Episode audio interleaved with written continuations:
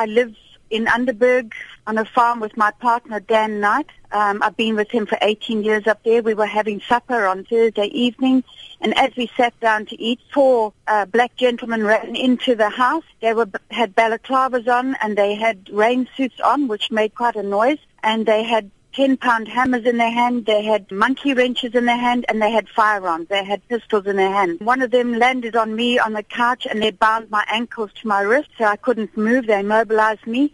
And the other three started beating Dan up, basically asking him for firearms, for money, uh, it went on for a very long time and then they proceeded to to beat his head in with the 10 pound hammers and with the monkey wrench. They smashed his whole head his skull everything into a pulp sy is gedwing om na die aanval op Nike te kyk. They held my face and they held my eyes open to witness everything i saw. They murdered him they they tied me up then they dragged me into the bathroom by my hair and they tied me to the pedestal of the wash hand basin in the bathroom. They pulled a, um, a glove over my head, the surgical glove, tightly over my head, and they tied it tightly around my throat, and they left me in the locked-up dark bathroom to suffocate to death. They they ransacked the house, they stole everything they could take.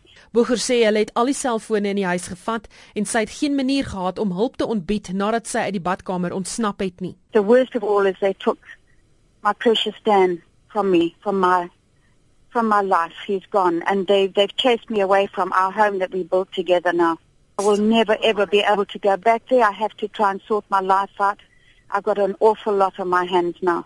But the worst of it is to take Dan so brutally, and I had to witness it. Sy sê die aanvallers is aan hulle bekend. It's it's sort of semi-personal through work, but basically, um, Dan has subcontractors with his timber business they had been paid for the work and the subcontractors had not paid their staff. So now they're asking Dan for money. And he said it wasn't his problem. They had been paid by, the boss had been paid and he wasn't paying them. That's basically what it seemed to have been. And they did come there to murder us. They, they told us. Boger sê sy kan nie ophou dink aan wat daardie aand gebeur het nie. I have flashbacks of the whole event all the time. My children are taking me now to um a counselor this afternoon. I'm drained. I'm finished. I cry myself to sleep. If I'm on my own, I cry. I'm, I'm finished. I've got headaches. I'm living on pills now. My life is over. I feel dead.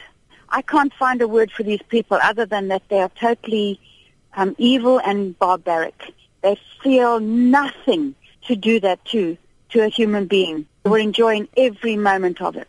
got to be stopped. There's too much of it happening. It's getting worse and worse and worse.